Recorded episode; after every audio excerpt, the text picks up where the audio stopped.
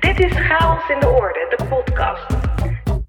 Ik ben Rachel Levy en in deze podcast ga ik ontrafelen hoe we oude patronen kunnen doorbreken en hoe we meesters kunnen worden in creativiteit en innovatie. Als je op zoek bent naar creativiteit, moet je stoppen met proberen creatief te zijn. Zo is de zoektocht vorige keer geëindigd. Ik vroeg me af: is dit het dan? Hebben we de sleutel gevonden? Tot ik me realiseerde dat creativiteit en een creatief werkklimaat twee verschillende dingen zijn. Om creatief te zijn moet je misschien stoppen met proberen creatief te zijn. Maar als je een creatief en inspirerend werkklimaat wil creëren, kun je daar maar beter actief aan werken. Want als je daarin stopt met proberen en doet wat je altijd al deed, nou ja, je kent hem. Dan krijg je wat je altijd al kreeg. De gevestigde orde, waarin onnodig veel energie verloren gaat. Dus de zoektocht gaat door. Sterker nog, we blazen een nieuw leven in. En, en hoe? Als je nog niet wakker was voor de noodzaak tot verandering, dan ben je dat na deze aflevering zeker. Ik spreek met filosoof en progressieve toekomstdenker Ruud Veltenaar, auteur van Once Upon a Future, over de toekomst van onze planeet en wat dit betekent voor de manier waarop we leven en werken. Luister, huiver en voel de potentie die er is. Als we er gebruik van durven maken. Chaos in de orde. De zoektocht. We zoomen eerst volledig uit. Ver voorbij de grenzen van organisaties en werk. Want om te begrijpen hoe we een revolutie teweeg kunnen brengen in de manier waarop we werken, is het belangrijk dat we begrijpen met welk krachtenveld we te maken hebben. Er is een enorme verandering gaande in de wereld. Ja, een proces waar 8 miljard mensen in zitten, uh, die we nu een coronacrisis noemen. Uh, maar dat is maar een heel klein onderdeeltje van een veel grotere transitie die gaande is. En die, ik heb het niet zo lang geleden ook geschreven in een blog, dat die coronacrisis is niet veel meer dan een generale repetitie. Uh, voor de crisis die zich nu al aandient. Hè, een, een diepe depressie, geen economische recessie. Maar een diepe depressie die ook niet een paar jaar gaat aanhouden, maar echt heel lang gaat aanhouden. Uh, en zelfs dat is nog een voorbode van een groter proces dat daarachter schuilt. Uh, uh, dat is de derde golf die eraan komt. En dat is een ecologische crisis, de klimaatverandering. en het goede nieuws is dat deze drietrapsraket ons uiteindelijk een betere wereld brengt. en met een betere wereld bedoel ik een meer duurzame leefomgeving, waarbij wij ons houden aan de grenzen van onze planeet. en een meer eerlijke samenleving waarin alles, maar dan ook echt alles, niet alleen werk, niet alleen salaris, maar vermogen, toegang tot technologie. Alles dat belangrijk is om een fijn leven te hebben, beter wordt verdeeld. Verandering begint bij chaos. Bij crisis misschien wel. En grootschalige verandering die nodig is om de planeet te redden, ontstaat vanuit meer dan één crisis. Dat is nodig om mensen wakker te schudden. En de coronacrisis is eigenlijk niets meer dan een niemandalletje, zegt Ruud. Hij schetst waar we ons op kunnen voorbereiden. Drie grote achtereenvolgende crises. Een gezondheidscrisis, waar we nu middenin zitten. Een economische crisis en een ecologische crisis. De toekomst is één lange crisis tot aan jouw laatste snik als je vasthoudt aan de wereld zoals die was. Uh, als je vasthoudt aan welvaart is belangrijker dan welzijn. Uh, als uh, je de belemmerende overtuiging volgt dat zonder economische groei kunnen we onze welvaart en welzijn niet borgen. Ehm, als je vasthoudt aan dingen bezitten is belangrijker dan ze af en toe gebruiken. dus als je vasthoudt aan de wereld die we de afgelopen honderd jaar hebben gebouwd, uh, waar mijn generatie uh, heel erg trots op is um, uh, en, en, nogal wat moeite heeft om het los te laten. dus als, als economische groei en welvaart en salaris, vakanties, een materieel leven belangrijker is dan een emotioneel-spiritueel leven, dan wordt het hel en verdoemenis tot aan de laatste snik. Want die wereld komt niet meer terug. Het goede nieuws is dat deze langgerekte periode van crisis en chaos ons de kans geeft om de wereld te veranderen, om haar mooier te maken. Alle transities, eh, grote transformaties starten in chaos. En daar zitten we nu middenin. Alleen we denken dat het een gezondheidscrisis is, maar het is veel groter dan dat. Hè? Daarom is ook geen crisis, maar een transitie waarin we zitten. En de transitie kan je niet versnellen. Hè? En de crisis kan je wel versnellen, oplossen. En oh, twee jaar eruit, vijf jaar eruit. Maar deze transitie gaat een paar generaties duren. En dat is heel vervelend als je vasthoudt, wat ik net zei, aan eh, eh wat we hebben gebouwd. Welvaart. Overigens niet heel erg goed verdeeld. 1 miljard mensen hebben het goed. Eh, 6 miljard mensen hebben het heel slecht. Uh, uh, maar uh, als je zegt, nee, ik wil, ik wil wel mee in deze transitie. Ik wil graag een voorbeeld zijn voor andere mensen. En uh, ik wil de focus inderdaad verschuiven naar welzijn. Ik wil uh, de focus verschuiven van doelen naar de bedoeling.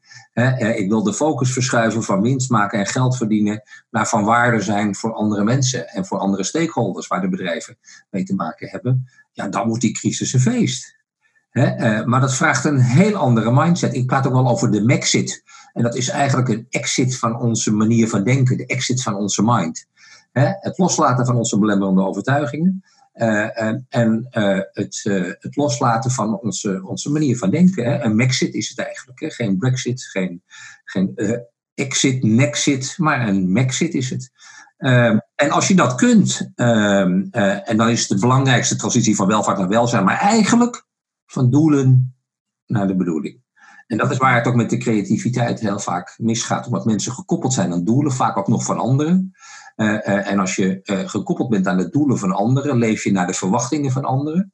Voordat je het weet, word je aangestuurd door Key Performance Indicator en heet je een fulltime equivalent.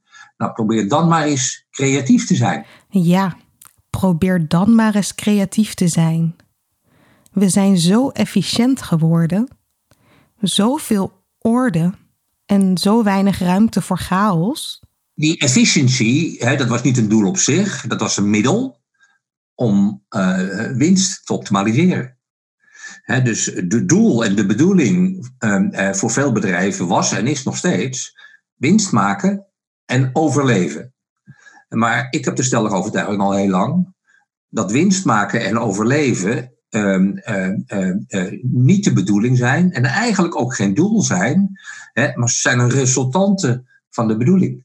En als jij als bedoeling hebt als bedrijf en als mens, ik wil van waarde zijn voor anderen. Uh, en bedrijven kunnen dat voor heel veel mensen. Over, als je heel groot bent, over alle continenten heen, kan je van waarde zijn voor mensen. Dat doe je via je klanten, via je partners en je leveranciers en je medewerkers.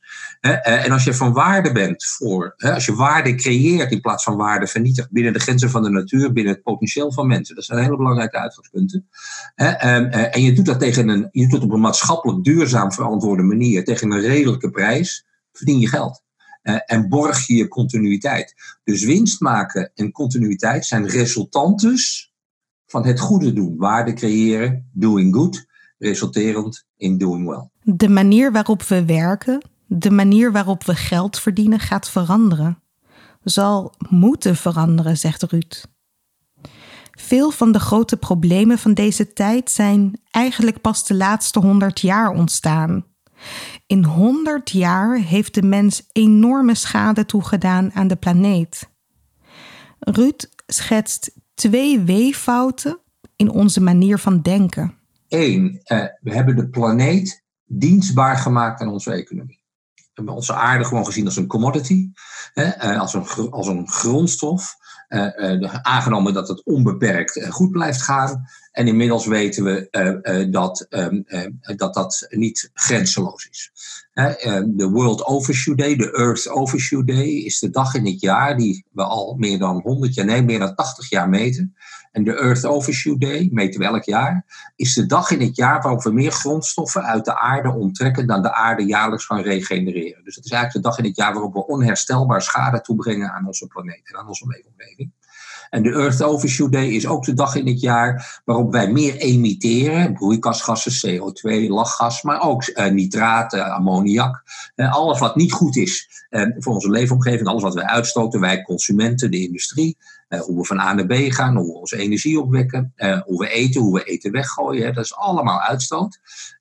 nou, de Earth Overshoot Day, los van die grondstoffen die we onttrekken aan onze planeet, wordt ook mede bepaald door de dag in het jaar waarop wij meer emitteren dan onze atmosfeer, de oceanen en de continenten kunnen absorberen. Dus dat is de dag in dit jaar waarop we de aarde onherstelbaar vergiftigen. Nou, die twee elementen, en tezamen zijn ze de grenzen van onze planeet. Die datum, die bepaald wordt door deze twee facetten, uh, die lag in 2019 op 29 juli.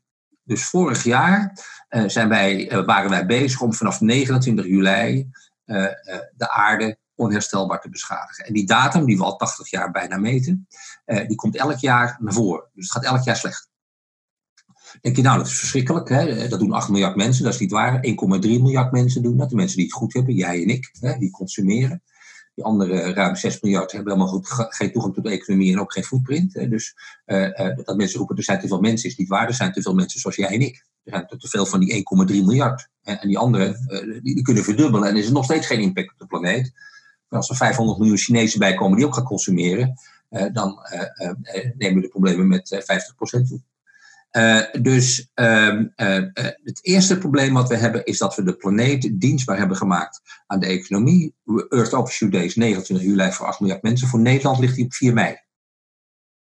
Dus als iedereen in de wereld gaat leven zoals wij Nederlanders, als 8 miljard mensen gaan leven zoals jij en ik, dan hebben we 2,5 planeet nodig.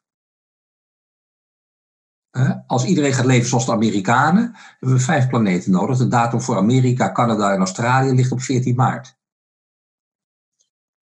Nou, dat is wat een hele hoop mensen zich niet beseffen. Uh, uh, en, en dat komt omdat we het vanzelfsprekend zijn gaan vinden dat de aarde dienstbaar is aan onze economie. En wij ons niet meer beseffen als soort, als homo sapiens, of misschien moet ik zeggen homo verus, de waarachtige mens, dat we allemaal natuur zijn. We gedragen ons als exploitant van de natuur. De bedrijven, exploitant van de natuur. Als je naar de kerk gaat, hoor je dat we de rentmeester moeten zijn voor de natuur.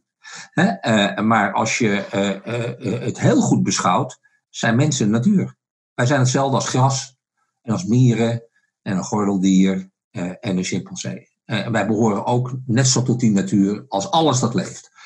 dus als wij de natuur vernietigen, vernietigen we uiteindelijk onszelf. We zien nu al dat we steeds hogere rekeningen betalen voor de manier waarop we met onze planeet, onze leefomgeving omgaan. De corona-uitbraak is daar slechts een voorbeeld van. De tweede weefout in ons denken gaat over onszelf. we hebben ook mensen dienstbaar gemaakt aan de economie. Uh, want we heten een human resource bij een bedrijf. Nou, een resource is iets dat je kan inzetten, net zoals olie en, uh, en lithium uh, en water en gas. Uh, en wij zijn ook een resource, want we zijn human resource. En daar hebben we een programma voor om dat allemaal in goede banen te leiden. Dat heet duurzame inzetbaarheid. En dat bevestigt ons dat we een resource zijn die je kunt inzetten. die dus ondergeschikt is aan de doelen en misschien ook wel zelfs de bedoeling van een bedrijf. Geld verdienen en overleven, wat niet de bedoeling is. Dus door de mensheid ook dienstbaar te maken aan de economie en de mensheid te laten geloven dat als er geen economische groei is en jij geen carrière maakt, dat je geen fijne leven kan hebben, werkt iedereen zich uit de naad. Hebben we allemaal een probleem met het balanceren van ons professionele en ons persoonlijke leven. Uh, uh, en leven we in het verlengde van de verwachtingen van anderen. En omdat we zelf geen plan hebben om ons eigen potentieel te ontwikkelen en aan te wenden en onze passie te ontketenen, zodat we van waarde kunnen zijn, voor andere mensen tot aan onze dood. Niet tot aan ons pensioen, maar tot aan de dood zou je iets moeten betekenen voor andere mensen, want dan kun je gelukkig sterven. Maar omdat we dat niet doen en, en, we, en, we, dus deel uitmaken van, van andermans plannen, omdat we zelf geen plan hebben in het verlengde van ons eigen potentieel en onze eigen verwachtingen. Uh, en daarmee hebben we de mensheid dienstbaar gemaakt aan de economie. Uh, en dat begint al zodra je geboren wordt, want die ouders die hebben verwachtingen, want die willen dat je naar het gymnasium gaat en daarna drie titels haalt en minister-president wordt. dan gaat het al mis, want dan ga je naar de, verwachtingen van je ouders leven. En dan kom je op school, dan moet je gaan leven naar de verwachtingen van een systeem als je in het primair onderwijs zit. Dan moet je de CITO-toets zien te halen. en minstens 458 punten, anders kan je niet naar het gymnasium. en daarna ga je naar de brugklas en dan ben je 13 jaar en dan vragen ze aan je, nou welk vak wil jij laten worden? Je moet nu een vakkenpakket kiezen. en vanaf je 13 en eigenlijk al die periode daarvoor word je opgeleid om te gaan werken en een baan te vinden en carrière te maken. En nergens, bijna nergens, wordt de vraag gesteld: waar ben jij steeds goed in? Hoe kun jij maximaal van waarde zijn voor andere mensen? Hoe ontketen je je passie? Eh, eh, hoe verbind je je met andere mensen? Zodat de bedoeling in het verlengen van je potentieel en je passie is om van waarde te zijn voor andere mensen, waarmee je liefde geeft en dus liefde. We hebben mensen dienstbaar gemaakt aan de economie. We zijn slechts grondstof. Burnout is een fenomeen dat steeds meer mensen eens of vaker meemaken in hun leven. Een derde van de mensen met een burn-out is jonger dan 30 in ons land. Zelfdoding onder kinderen tussen 12 en 16 jaar is doodsoorzaak 1. Er gaan meer kinderen dood uh, uh, in ons land uh, door zelfdoding dan door ziekte. Zo bizar is het. Hè? en dat is een spirituele crisis. Uh, en dat komt omdat jonge mensen en ook oudere mensen niet meer bij zichzelf kunnen komen, niet bij hun eigen verwachtingen kunnen komen, geen ruimte krijgen om hun potentieel te reflecteren en te ontwikkelen, geen ruimte krijgen om te doen waar ze goed in zijn uh, en wat hun passie ontketent. Ja, en voordat je het weet zijn we, en dat is wat we voor woorden zijn, we zijn moderne slaven die daar riant voor beloond worden. En, en, eh, en we zijn verslaafd geraakt aan, aan consumeren en aan dingen kopen. En uh, ja, als we maar elk jaar een nieuwe iPhone kunnen kopen en een mooie trui kunnen kopen bij de Bijenkorf, uh, dan denken we dat we gelukkig zijn. Hè? En zo hebben we een economie gecreëerd die ons daarin ehm, nou ja, voorziet. en, en waarin we denken dat, we, dat we krijgen wat, we, wat we nodig hebben, maar dat is natuurlijk niet zo. De weeffouten in ons systeem brengen ons nu in een lange, wereldwijde crisis. Het systeem staat onder druk. Ruud schetst het beeld van 8 miljard mensen in een snelkookpan, een pressure cooker. De druk in die snelkookpan neemt toe, zowel de druk van onderen als de druk van boven. De druk van onderen bestaat uit drie elementen. Als eerste de ecologische crisis, klimaatverandering. We putten de aarde uit. En deze druk neemt heel langzaam toe. En dat is misschien wel het grootste eh, ellende met die klimaatverandering, is dat het zo tergend langzaam gaat. Hè? Waardoor mensen eigenlijk geen begrip hebben eh, en ook geen besef hebben, want het gaat langzaam, we merken het niet. en het is heel erg complex. Vervolgens is er druk van onderen in de vorm van een sociaal-economische crisis. De werkende middenklasse die de komende jaren door de hoeven gaat zakken. Er waren mensen die allemaal tevreden hadden, net iets te veel schulden hadden, net iets onder water stonden met hun huis, maar hard werken met z'n tweeën, een beetje zuinig zijn, eh, vakantiegeld gebruiken om de wasmachine eh, te repareren of te vervangen. Dus de, de werkende middenklasse, sociaal-economische crisis de komende jaren, meer dan tien jaar, gaat de hoeven zakken. Dus we krijgen een verarming van de middenklasse. En de derde crisis die in die snelkookpan voor druk van onderen zorgt, is een spirituele crisis. Het onvermogen om ons te verbinden met ons potentieel. Dit zien we bijvoorbeeld terug in het toenemend aantal burn-outs. Van boven in die snelkookpan is er ook druk en wel op vier manieren. Als eerste het toenemende bewustzijn van de situatie waar we in zitten. En als we meer bewustzijn krijgen, komt het systeem meer onder druk te staan, want dan willen we het niet meer. Mensen met Tata Steel nu zijn aan het protesteren, want die vinden wat, eh, wat ze in India bedenken, vinden ze niet goed. Dus het bewustzijn van mensen, rationeel, we weten steeds meer dat we planeet en de mensen dienstbaar hebben gemaakt aan de economie en dat dat niet oké is. Eh, en dat bewustzijn zorgt voor meer druk op de systemen en instituten. Vervolgens ontstaat er een verlangen naar een betere wereld. En ook dat verlangen zorgt voor druk. Langzaam bij jouw generatie, bij mijn kinderen, bij mijn studenten merk ik een verlangen naar een betere wereld. En die visualiseren ze ook. En ze praten er ook met elkaar over. En ik noem het utopia. En dan zegt iedereen, ja, maar dan komen we nooit. Nou, misschien niet, misschien wel, maar dat maakt niet uit. Maar de weg ernaartoe is in ieder geval geweldig want dat is de weg in het verlengde van de bedoeling. en in het verlengde van de wereld waar we naar verlangen. En nou ja, misschien komen we niet helemaal bij het eindpunt uit. Maar laten we wel eh, de wereld inslaan, het pad opgaan van het goede doen. doing good. Good people doing good. De derde druk van boven is de ontwikkeling van een collectief. Steeds meer mensen die het anders willen en die een ander verlangen hebben, gaan zich met elkaar verbinden. We zeggen gewoon, ik kan het niet alleen. En als we het met elkaar doen, dan krijgen we meer momentum. Hè? Eh, wat je nu op televisie hoort, bij op is zo de revolutie. Hè? En nou, het zal allemaal wel, eh, ik wou dat die er was. Hè?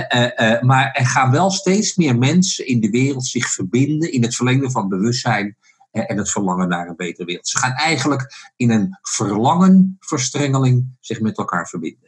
Ehm, eh, eh, eh, en dat zijn er ongeveer nu 700, 800 miljoen mensen die met elkaar verbonden zijn via alle platformen die zeggen we pikken het gewoon niet meer. dat is nog niet genoeg. Als, maar als die groep anderhalf miljard mensen is en ze zijn verenigd via platformen, via bedrijven die het beste met ons voor hebben, via bewegingen die het beste met ons voor hebben, dan kunnen anderhalf miljard mensen de rest van de wereld, 6 miljard mensen meenemen op sleeptouw. En dan geen Donald Trump die dat kan tegenhouden. De laatste vorm van druk is nog niet zo groot, maar wordt wel steeds groter.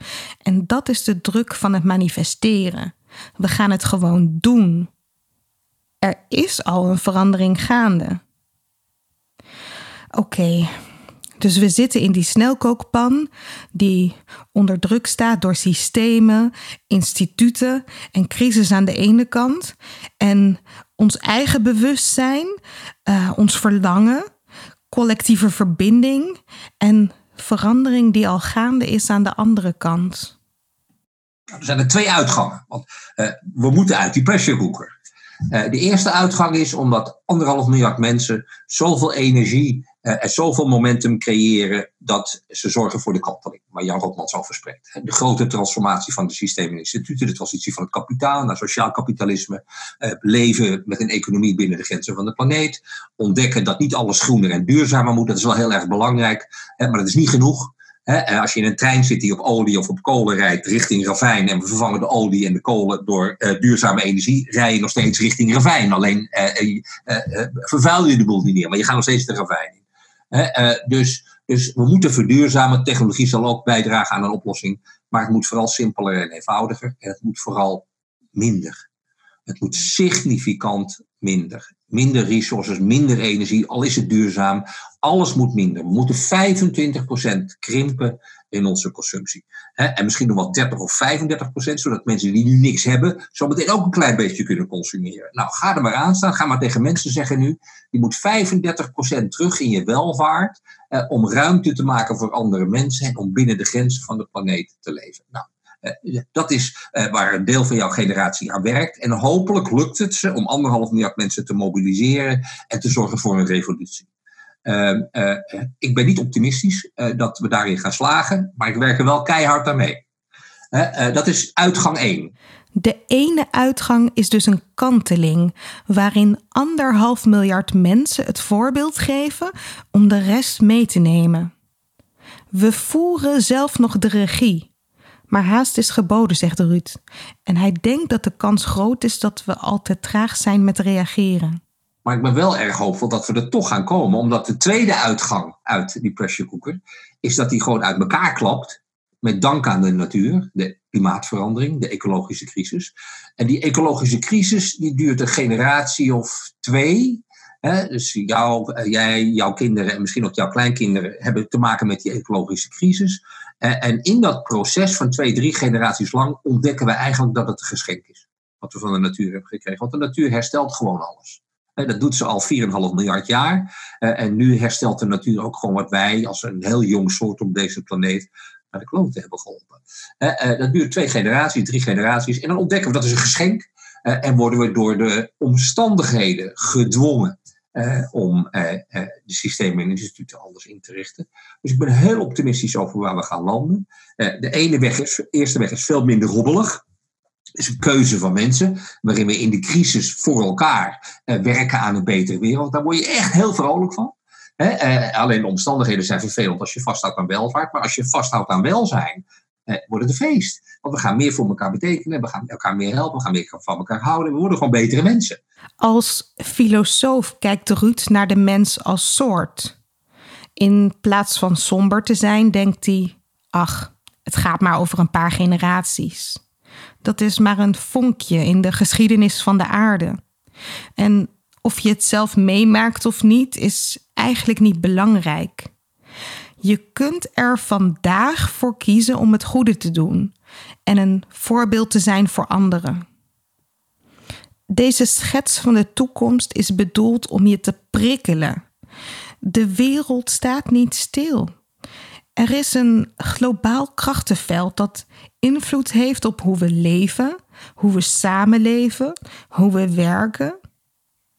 Als de economie verandert, als oude systemen langzaam instorten, verandert ook jouw leven en jouw werk. En dan kun je kiezen. Ben je slachtoffer van die veranderende wereld? Of kies je ervoor om je aan te sluiten bij anderhalf miljard koplopers die een kanteling teweeg gaan brengen? Ja, je zou je als, uh, als werknemer moeten en kunnen afvragen: uh, het bedrijf waarvoor ik werk, uh, hoeveel waarde creëert dat? Hè? en daar bedoel ik niet mee hoeveel winst creëert het voor de aandeelhouders, waar jij toevallig ook een heel klein salarisje voor krijgt, maar die aandeelhouders steken vaak een, een, een, nou, een onevenredig groot deel voor hun inspanningen in hun zak. maar je zou je ook de vraag kunnen stellen: eh, bij het bedrijf waarvoor ik werk, en misschien wel zelfs eh, waar het bedrijf onderdeel van is binnen de keten, wat wordt daar ecologisch, sociaal en financieel aan waarde gecreëerd? En als dan blijkt dat je bij een bedrijf werkt dat geld verdient voor de aandeelhouders, maar per saldo waarde vernietigt ecologisch of sociaal. Uh, waarom zou je bij zo'n bedrijf willen werken? En natuurlijk zijn of lijken er allerlei redenen om vast te houden aan het bekende. En dan kan je zeggen, ja, dat wil ik wel. Uh, of dat moet ik wel, want ik heb een hypotheek en ik heb studerende kinderen. En ik heb hier een salaris, uh, uh, dat is beter dan ik ergens anders kan verdienen. Nou, dat is prima als je die keuze maakt. Maar als je je maar beseft dat je een bijdrage levert aan het vernietigen van de leefomgeving, sociaal of ecologisch, of zelfs misschien wel financieel, voor je kinderen en je kleinkinderen. Als werknemer en als consument heb je invloed door de keuzes die je maakt. Je hebt invloed op wat je eet, hoeveel energie je verbruikt, hoe je van A naar B reist. Je hebt invloed door je uit te spreken, door je te verbinden met gelijkgestemden en zelf verandering in gang te zetten. Daar zijn we creatief genoeg voor. Er zit een weeffout in ons systeem. Want als ik vraag alles aan de zaal, uh, uh, op een schaal van 0 tot 10, uh, hoe creatief ben je? Wie, wie, ziet zichzelf tussen 9 en 10? Nou, daar steekt bijna niemand hand. dat is ook een beetje Nederlands natuurlijk. wie zit dan tussen 7 en 8? Nou, daar steekt 10, 15 procent zijn hand op. en wie zit dan de, nou, de helft zit toch ongeveer 6. De meeste mensen beschouwen zichzelf niet als creatief. En 10, 20 en 30 procent geven zichzelf een onvoldoende voor creativiteit. het is ook een beetje het systeem hoe we schools worden opgeleid en opgevoed en daarna ook in het systeem moeten functioneren. Maar de vraag is eigenlijk niet uh, hoe creatief ben jij op een schaal van 0 tot 10. De vraag is eigenlijk hoe ben jij maximaal creatief? En dan kan elk mens op zijn schaal van 0 tot 10 10 scoren voor creativiteit binnen jouw vermogen om creatief te zijn. He, dus wat we in het onderwijs verkeerd doen, is we vergelijken iedereen, en dus ook creativiteit, maar ook mensen, met een collectieve norm, en dat is een 6 hè, MAVO. Uh, collectief 6 doe je het goed, ben je gemiddeld. 7 ben je iets beter dan gemiddeld. maar we moeten ons niet vergelijken met de collectieve middelmaat. En we moeten ons ook niet vergelijken met anderen. We moeten ons vergelijken en ook onze creativiteit met onze eigen middelmaat. En uh, iedereen heeft uh, een, een, op een schaal van 10 uh, een, een, niveau van 5 en, net niet voldoende. En dan is de een wel veel creatiever dan de ander. Maar heb je nog steeds maar de helft van je creativiteit ontwikkeld. Nou, laten we gewoon bij mensen kijken. Uh, hoe we hun creativiteit en hun menselijkheid uh, en hun barmhartigheid allemaal hun eigen middelmaat kunnen ontstijgen. zodat we allemaal wereldkampioen worden. En niet alleen maar Epke Zonderland. want als we onze eigen middelmaat ontstijgen, en dit zou je haast een creatieve manier van denken kunnen kijken, dan hebben we 8 miljard Olympisch kampioenen in plaats van 200. We meten ons af aan anderen, aan het gemiddelde. Als we daarmee stoppen, hoeft niemand zich meer af te vragen of hij wel creatief genoeg is. En trouwens, wat is creativiteit? Het vermogen om iets te creëren. Dat is, dat is, je bent creatief wanneer je vermogend bent. Uh, uh, vaardigheden, uh, manier van denken. het maakt niet uit wanneer je vermogend bent om iets te creëren. Hè? Dat ligt ook heel dicht in het verlengde van, van ondernemerschap. Er zijn ook mensen die doorgaans aan het creëren zijn, terwijl heel veel ondernemers zichzelf helemaal niet als creatief beschouwen. Maar zijn, elke dag zijn ze aan het creëren als ondernemer. Hè? en als je nou aan een mens zou vragen, ben jij creatief? Zeggen de meeste mensen net, ik ben niet heel erg creatief. Maar als je mensen vraagt, heb jij het vermogen om iets te creëren? Kan jij eens een voorbeeld geven van de afgelopen week, de afgelopen maand en de afgelopen twaalf maanden? Wat jij hebt gecreëerd, heeft iedereen een verhaal.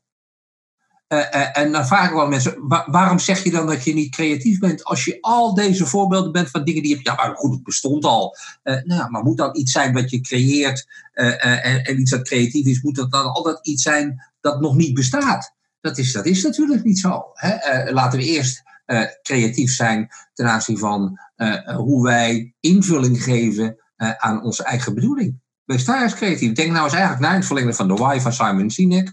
Waarom ben jij hier? En hoe zorg je ervoor dat als jij je laatste adem uitblaast in die acht seconden die je nog leeft, dat je met een dikke glimlach tegen je dierbaren die om je heen staan aan je bed zegt: Ik had maar één leven, maar het was meer dan genoeg want ik heb zo ongelooflijk veel mogen betekenen voor andere mensen. Geen miljoenen, hè? maar die om je heen staan. En ook nog onbewust van een aantal mensen waar je een voorbeeld voor bent geweest. Nou, dat is waanzinnig creatief. En dat kan elk mens. Het enige uh, om, om, om gelukkig te kunnen sterven, en heel mensen zeggen, nou moet je wel heel creatief en innovatief uh, en rijk zijn. Nou, dat is allemaal onzin. Als jij je beseft wat je bedoeling is om van waarde te zijn voor andere mensen. Dat vergeven iets is wat je doet voor jezelf, omdat het het openen van het hart en van het hoofd is voor liefde. en dat je dan ook nog voor iemand anders fijn is dat je vergeeft, is, een, is, is bijvangst, maar niet, de, maar niet het doel. Nou, als, als, als dat soort dingen ook beschouwd worden als creativiteit, want dat is het, een creatieve manier van denken. Eh, ja, dat, dat, dat kan bijna iedereen. Lees een boek en je wordt creatief. En niet omdat je het allemaal zelf gaat verzinnen, maar omdat je, doordat je een boek leest, iets gaat creëren. Nou, dan heeft iemand anders het bedacht. Maar creëer jij het dan maar, dan ben je creatief. Het enige dat nodig is om positieve verandering in gang te zetten, is dat jij gelooft in je eigen vermogen om te creëren. Misschien moeten we wel het meest creatief zijn de komende jaren eh, in het loslaten van onze belemmerende overtuigingen het oplossen van belemmerende overtuigingen. Een thema naar mijn hart. Want als je eenmaal ziet hoe jij jezelf klein houdt door vast te houden aan oude verhalen of overtuigingen uit je omgeving, ontstaat er ruimte voor nieuwe verhalen. En die nieuwe verhalen zijn niet in één keer geïntegreerd. Keer op keer ploppen oude overtuigingen op. De vraag is, hoe snel doorzie je ze? Dat is een, een grote uitdaging, maar je kiest ervoor. Uh, je gaat op reis en je ontdekt dat het heel lastig is. Uh, maar omdat je graag een voorbeeld bent voor anderen, blijf je het doen. Uh, en doe je het niet, ga je achterover zitten en je denkt, het zal jouw tijd wel duren. Nou, dan moet je nog even wachten totdat de planeet het echt spuugzat is. En dan komt hij ook langs jouw deur. De vraag is, ben je proactief of reactief in de veranderingen die gaande zijn? Wil, wil jij de creator zijn van je omstandigheden in de toekomst? Of ben je een slachtoffer van je omstandigheden? En dan ben je reactief. En daar heb je niet heel veel creativiteit nodig. Daar heb je alleen maar voor nodige verbinding met de bedoeling. Weten wie je bent en wat je wilt betekenen voor andere mensen. En je verbinden met andere mensen om met elkaar nog meer te kunnen betekenen voor andere mensen. Kiezen voor het creëren van een nieuwe realiteit zorgt voor nieuwe inspiratie in je leven en in je werk mijn ervaring met mensen die op dit soort punten, of ze nou een ledlampje thuis vervangen, of iets meer gaan fietsen, of niet meer vliegen, of minder vlees eten, of liever voor een vrouw worden. Er zijn allerlei manieren eh, eh, om een bijdrage te leveren. Eh, maar als je merkt dat je daarmee andere mensen inspireert. Hè, en niet door ze te managen en, te zeggen wat ze moeten doen. En managers zeggen tegen andere mensen wat ze moeten doen. Leiders geven een voorbeeld in de hoop dat anderen hetzelfde gaan doen dus managers creëren volgelingen. en, mensen die, die het gaan doen omdat ze ervoor betaald worden. Of omdat ze gezegd worden dat ze het moeten doen. Eh, eh, of omdat ze niet nadenken. En leiders creëren geen volgelingen. Leiders creëren leiders. Wat jij doet heeft een positief effect op anderen. Als jij positief effect ervaart, ontdek je dat anderen het ook gaan doen. En dat is fijn. Je kunt anderen inspireren met je acties. Het begint met bewustzijn. Wat is er echt gaande? Dan het verlangen naar een betere wereld. Je verbinden met andere mensen en daarna in actie komen. Dit kan iedereen. Rijk en arm, intelligent en minder intelligent. Iedereen kan dat. Chaos in de orde. De zoektocht. Hoe de toekomst eruit gaat zien, weten we pas wanneer die al geschiedenis is. Het enige wat we nu kunnen doen is voorspellen en bijsturen. Leven binnen de grenzen van de planeet. Mensen behandelen als human beings, niet als human resources. Uitgaan van het potentieel en van waarde zijn voor anderen. Creatieve koplopers die opstaan om oude patronen te doorbreken. Kleine schaal in hun persoonlijk leven en in hun werk. Door te zoeken naar alternatieven, door nieuwe dingen uit te proberen. Vegetarisch eten, minder vliegen, ruimte te geven aan talent van een ander, minder op de automatische piloot. Wellicht zelfs een nieuw soort economie. Een basisinkomen voor iedereen, zodat iedereen genoeg heeft en kan doen waar hij goed in is. Betaald of onbetaald werk. En dat is ook wat 8 miljard mensen verdienen, zegt Ruud. Ons gesprek galmde nog een paar dagen na. Het prikkelde me om na te denken: waar ben ik zelf nog reactief? Waar onttrek ik waarde en waar voeg ik waarde toe? Kan ik zelf nog dingen doen of dingen laten? En voor welke verandering wil ik mijn creativiteit inzetten? Ik ben heel benieuwd hoe dit gesprek jou geprikkeld heeft. Laat zeker even een reactie achter in je podcast-app of via podcast.chaosindeorde.nl. Heb jij een idee hoe ik mijn zoektocht kan vervolgen? Wie ik zeker moet spreken? Mail dan naar podcast.chaosindeorde.nl. Het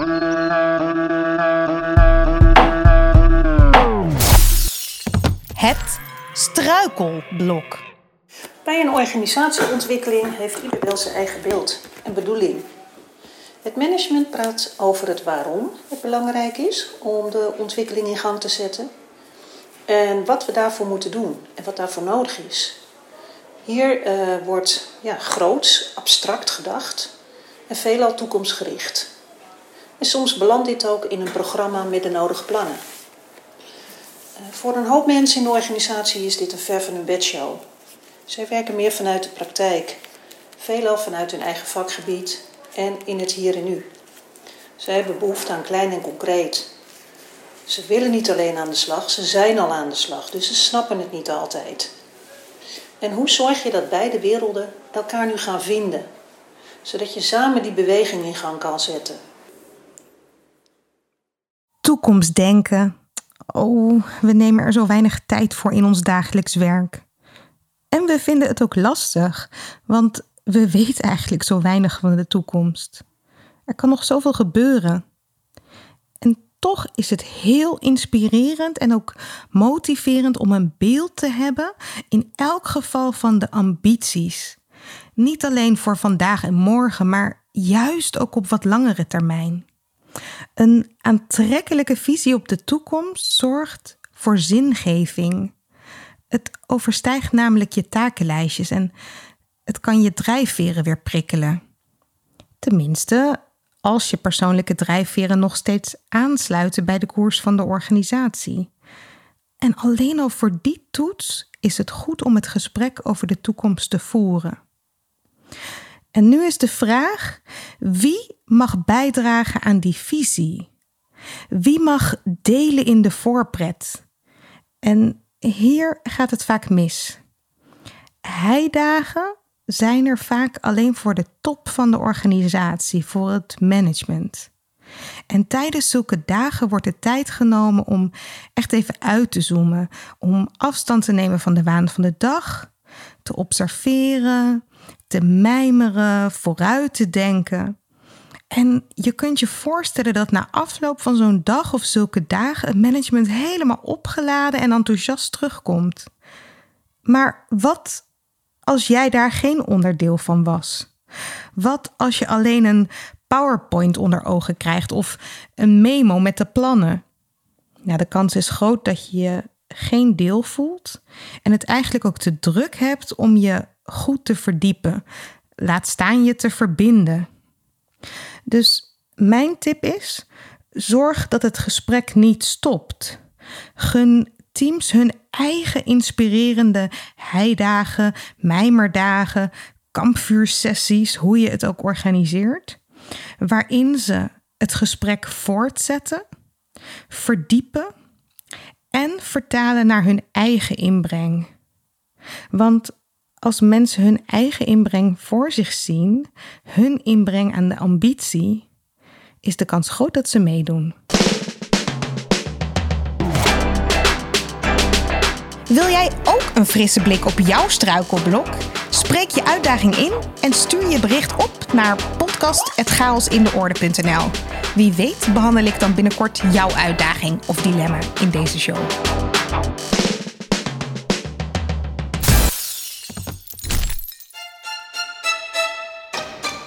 Het jargongedicht.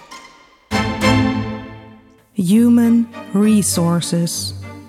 Het wordt tijd voor een nieuwe visie op ons menselijk kapitaal.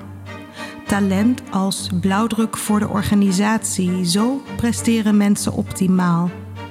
HR is een significante toevoeging aan de directie. Onze kennis geeft duurzame inzetbaarheid van personeel een injectie. We ontwikkelen sleutelfiguurindicatoren, zodat we de juiste competenties kunnen aanboren. Minder burn-outs bij generatie I. De hoge afwezigheidsratio voorbij. Meer employee engagement, bevlogenheid boven KPI's. Menselijke maatstaven, baanmobiliteit zonder kapitaalverlies. We zijn op de goede weg met een strategische personeelsplanning. Ook al is dit nog steeds een fase van verkenning. Jouw jargongedicht in deze podcast? Stuur je gedicht in via podcast.chaosindeorde.nl en dan is jouw gedicht binnenkort hier te beluisteren. Takeaway to go. De takeaway van deze aflevering is die prachtige vraag. Hoe ben jij maximaal creatief? Zet eens op papier een schaal van 0 tot 10 en schrijf intuïtief op in welke omstandigheden jij laag op je creatieschaal zit en in welke omstandigheden juist hoog. Verandering begint bij bewustzijn. Dus als jij het verlangen hebt om een creatieve koploper te zijn, een positieve changemaker, kijk nog eens goed naar wat je hebt opgeschreven. Hier liggen alle antwoorden voor actie. Wat betekent het voor de manier waarop je nu je dag of je week inricht? Met welke mensen wil je je omringen? Waar wil je meer van en waar juist minder? Hang het ergens op waar je het kunt zien. Creativiteit, innovatie. Het lijkt omgeven door een mysterieuze mist. Een geheim voor briljante breinen en getalenteerde kunstenaars. En toch, het moet toch voor iedereen toegankelijk zijn? Aflevering voor aflevering graaf ik steeds een stukje dieper. Ben jij enthousiast? Abonneer je dan op deze podcast en laat een review achter in de app waarmee je luistert. Hoe meer reviews we ontvangen, hoe meer mensen deze podcast kunnen vinden. Zo zorgen we samen voor meer chaos in de orde. Wil jij zelf chaos in de orde brengen? Download dan gratis het e-book Chaos. 10 manieren om patronen te doorbreken. Je vindt het op chaosindeorde.nl/slash podcast. Deze podcast wordt je aangeboden door Huis van Verbeelding. Het bedrijf voor zakelijke creativiteit. Tot de volgende keer en veel chaos!